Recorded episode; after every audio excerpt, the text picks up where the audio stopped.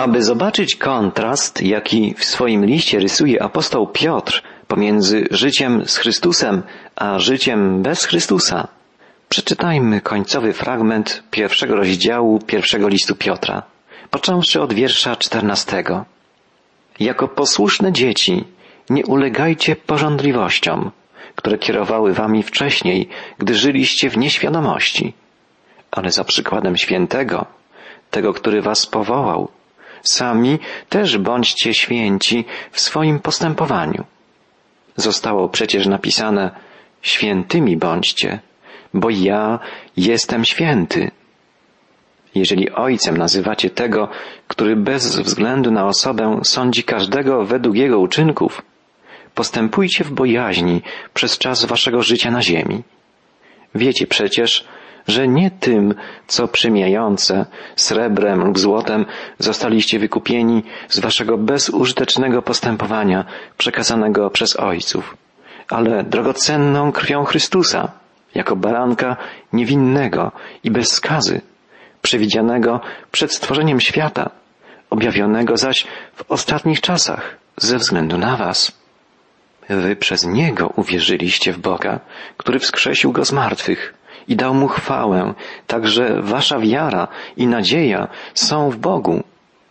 Skoro oczyściliście swoje dusze przez posłuszeństwo prawdzie, aby nieobłudnie kochać braci, to nieustannie miłujcie jedni drugich czystym sercem, jako odrodzeni nie ze zniszczalnego nasienia, ale z niezniszczalnego, dzięki Słowu Boga, które żyje i trwa, ponieważ wszelkie ciało jest jak trawa, a wszelka jego chwała jest jak kwiat polny.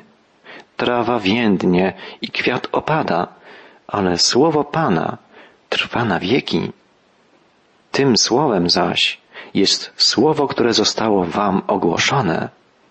Apostoł Piotr wskazuje nam trzy cechy życia bez Chrystusa. To najpierw czyni. Po pierwsze, życie takie jest to życie w nieświadomości. Pogański świat zawsze prześladowała niemożność poznania Boga.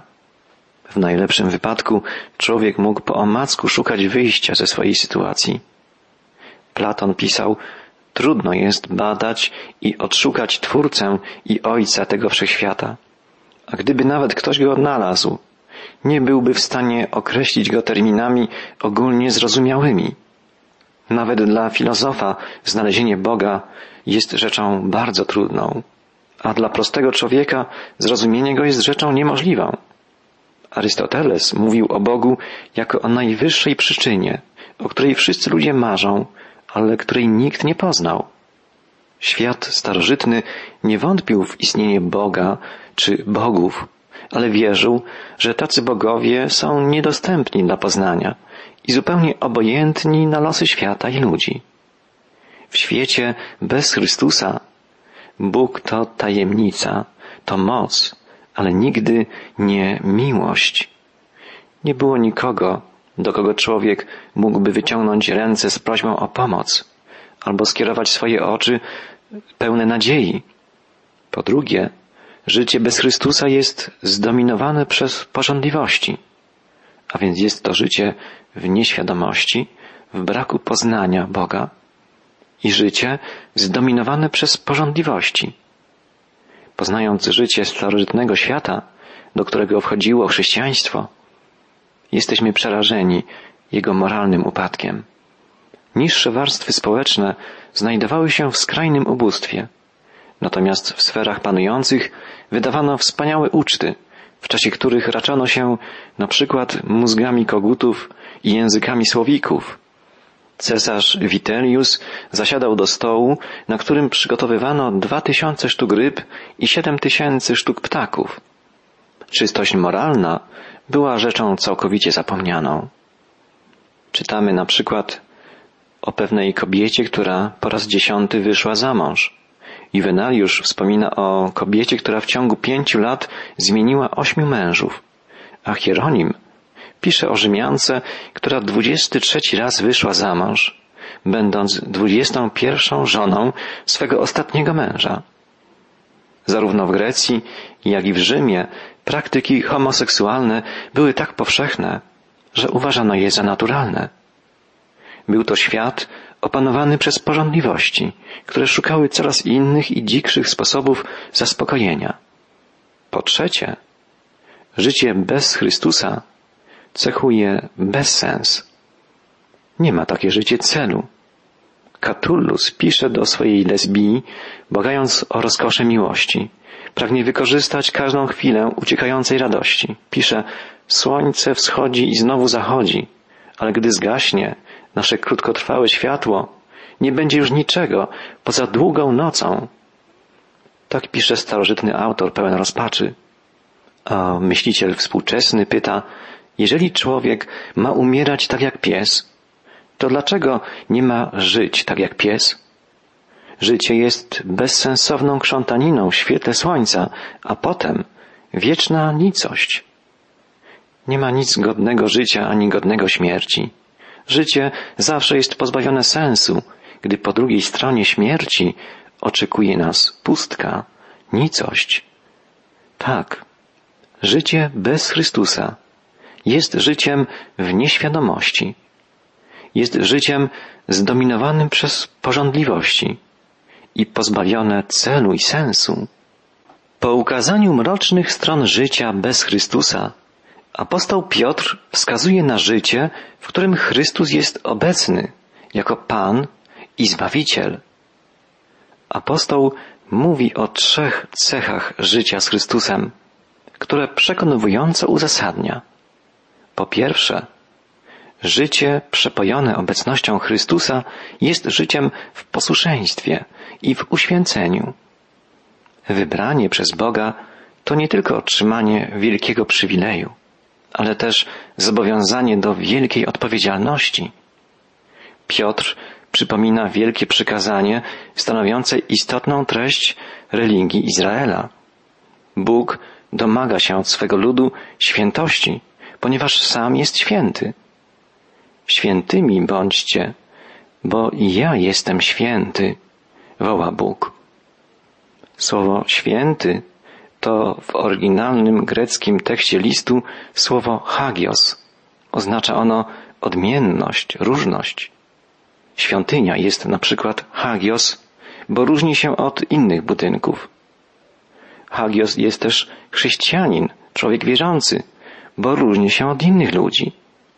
Człowiek wierzący jest Bożym człowiekiem, człowiekiem z Bożego wyboru. Chrześcijanin został wybrany do specjalnego zadania do wykonania w tym świecie i ma przed sobą szczególny cel w wieczności. Jest wybrany, by żyć z Bogiem w doczesności i w wieczności. Żyjąc w tym świecie, musi przestrzegać Bożego prawa i przejawiać cechy Bożego życia. Zadanie to czyni chrześcijanina człowiekiem wyjątkowym, szczególnym, właśnie hagios, wybranym, uświęconym.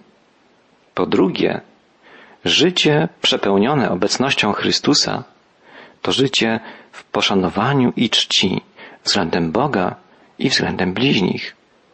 Cześć to postawa umysłu człowieka, który zawsze uświadamia sobie, że żyje w obecności Boga.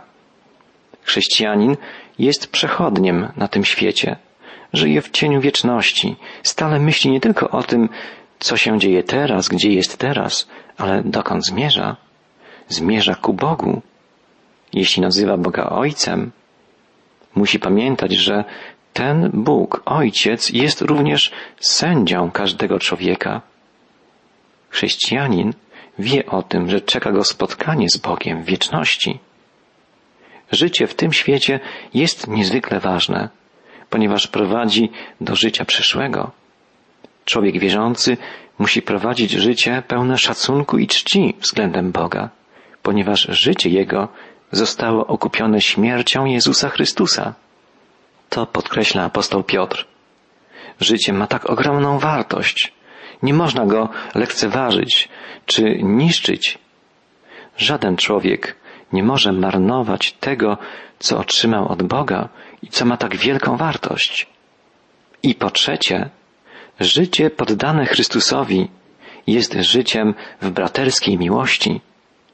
Apostoł pisze, skoro oczyściliście swoje dusze przez posłuszeństwo prawdzie, aby nieobłudnie kochać braci, to nieustannie miłujcie jedni drugich czystym sercem, jako odrodzeni nie ze zniszczalnego nasienia, ale z niezniszczalnego, dzięki Słowu Boga, który żyje i trwa. Życie poddane Chrystusowi to życie w braterskiej miłości. Miłość ta ma się wyrażać tym, że troszczymy się o braci, że jesteśmy szczerzy, serdeczni i jesteśmy gotowi poświęcać się dla dobra innych. Chrześcijanin jest człowiekiem odrodzonym nie ze śmiertelnego, ale nieśmiertelnego nasienia Słowa Bożego. Charakter chrześcijanina nie jest skutkiem ludzkiego, lecz Bożego działania.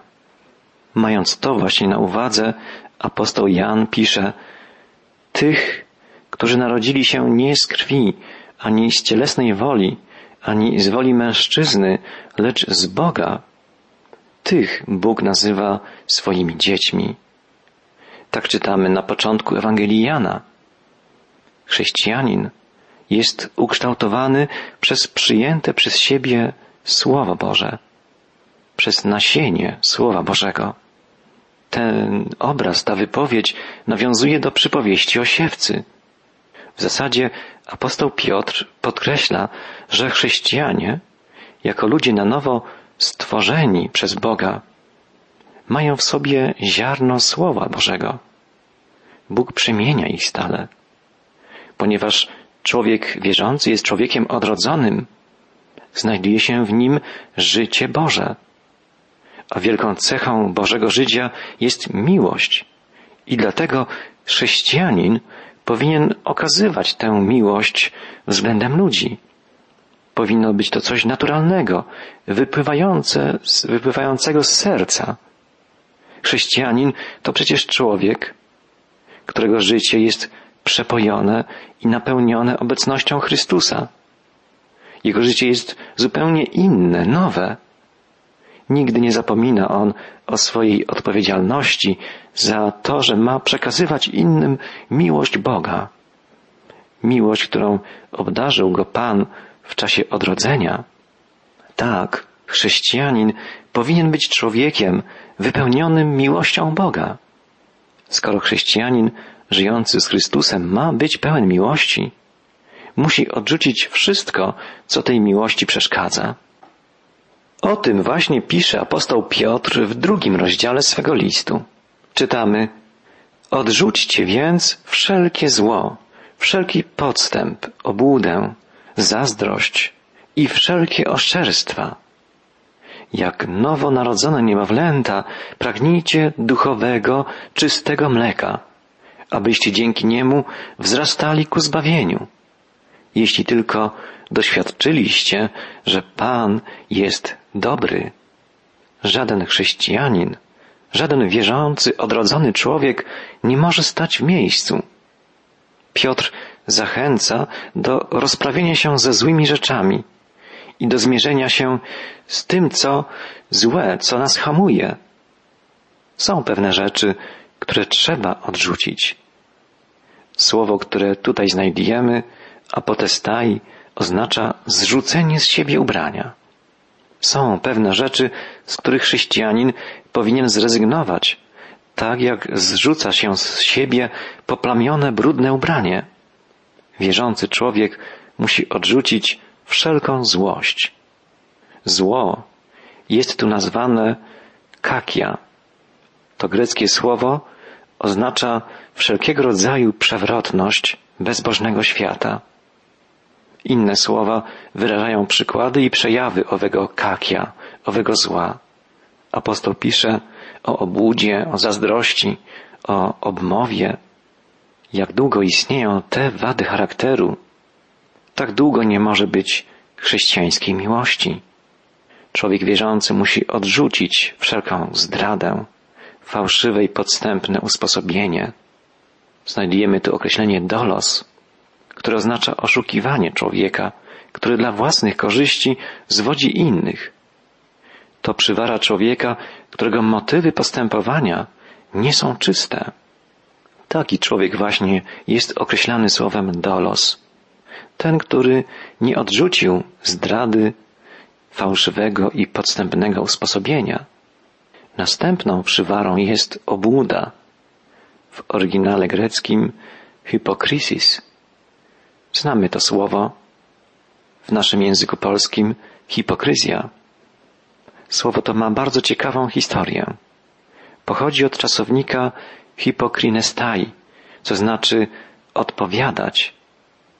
Hipokrites na początku był kimś, kto odpowiada. Później zaczęło oznaczać to słowo aktora, człowieka, który bierze udział w pytaniach i odpowiedziach na scenie. Potem oznaczało już obłudnika, człowieka, który stale odgrywa swoją rolę i stale ukrywa swoje rzeczywiste motywy. Obłudnikiem jest ten, kto należy do chrześcijańskiego świata ze względu na własne zyski, własne korzyści, ze względu na prestiż, a nie ze względu na służbę i chwałę Chrystusa, musimy strzec się hipokryzji. Nie możemy być w życiu aktorami. Mamy być prawdziwie chrześcijaninami, czyli ludźmi Chrystusa. Chrześcijanin musi wyzbyć się wszelkiej złości, obłudy, fałszu, zdrady, podkreśla apostoł. Musi też odrzucić wszelką zazdrość. Można powiedzieć, że zazdrość jest chyba najbardziej żywotnym grzechem. Nawet w małym kręgu dwunastu apostołów pojawiła się zazdrość. Dziesięcioma z nich zawładnęła zawiść względem Jakuba i Jana, którzy jakoby wyprzedzali ich w dostojeństwie i w nadchodzącym królestwie mieli zająć wyższe miejsca. Nawet w czasie ostatniej wieczerzy uczniowie dyskutowali między sobą, który z nich powinien zająć najbardziej dostojne miejsce w przyszłym królestwie. Jak długo w sercu człowieka żyje własne ja, tak długo w jego życiu będzie przejawiała się zazdrość. Ale trzeba z nią walczyć. Trzeba ją zrzucić z siebie, jak brudne ubranie. I w końcu apostoł apeluje, iż chrześcijanin powinien odrzucić wszelką obmowę. Słowo greckie katalalia, które się tu pojawia, jest słowem posiadającym określony odcień. Oznacza właściwie ubliżanie komuś słowami. Prawie zawsze jest to skutek przechowywanej w sercu zazdrości. Tego rodzaju słowa, obmowy przeważnie są wypowiadane wtedy, gdy ofiara, przeciwko której się zwraca taka wypowiedź, jest nieobecna i nie może stanąć w swojej obronie. Słuchanie i powtarzanie pikantnej plotki należy do najbardziej atrakcyjnych zajęć. Każdy musi przyznać, że poniżająca kogoś plotka jest rzeczą złą, a jednocześnie prawie każdy lubi plotkować. Plotka doprowadza serca do załamania, niszczy braterską miłość i rujnuje chrześcijańską jedność. Drogi przyjacielu, pamiętajmy, by wyrzec się wszelkiej obmowy i nie plotkować, nie szerzyć pomówień, złych opinii o kimkolwiek. Zawsze jest to szkodliwe i złe. Chrześcijanin musi odrzucić wszelką złość, zazdrość, obmowę. Co natomiast ma przyjąć, czego ma pragnąć? Niesfałszowanego duchowego mleka. W obliczu zła pogańskiego świata chrześcijanin powinien posilać swoją duszę, karmić swoje wnętrze czystym pokarmem Bożego Słowa. Ten pokarm Słowa Bożego jest niesfałszowany.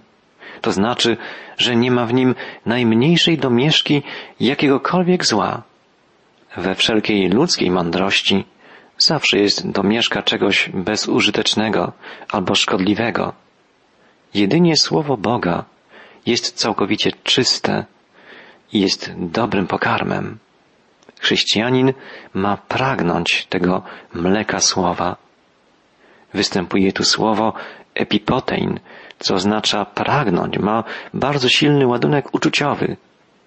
Tym samym słowem określa się na przykład pragnienie jelenia, który przychodzi nad wody potoku, albo tęsknotę psalmisty za zbawieniem Pana. Dla szczerego chrześcijanina studiowanie Słowa Bożego nie jest jakimś obowiązkiem, nie jest ciężarem. Jest przywilejem, jest czymś bardzo radosnym, gdyż człowiek wierzący wie, że tam, w Biblii, w Księdze Pana, w Jego Słowie, znajdzie zaspokojenie najgłębszych tęsknot swojego serca. Obraz chrześcijanina jako niemowlęcia i Słowa Bożego jako mleka, którym niemowlę się odżywia, często występuje w Nowym Testamencie. Na przykład pisząc do Tesaloniczan, apostoł Paweł pisze o sobie jako o opiekunie troszczącym się o niepełnoletnich chrześcijan, o niemowlęta, dosłownie duchowe. Także pisząc do Koryntian, pisze o mleku. Na znak odrodzenia w pierwotnym kościele chrześcijanie ubierali się w białe szaty, a czasem nawet pili mleko, jak gdyby byli małymi dziećmi. To symbolizowało ich pragnienie, by karmić się na co dzień Bożym Słowem. Odżywianie się mlekiem Bożego Słowa pozwala człowiekowi wierzącemu wzrastać, aż do osiągnięcia stanu pełnego zbawienia, pełnej dojrzałości duchowej. I tu każdy z nas musi szczerze postawić sobie pytanie, czy karmię się duchowym pokarmem Bożego Słowa? Czy wzrastam w poznawaniu Bożych prawd? I czy stosuję się do słów Boga w moim codziennym życiu?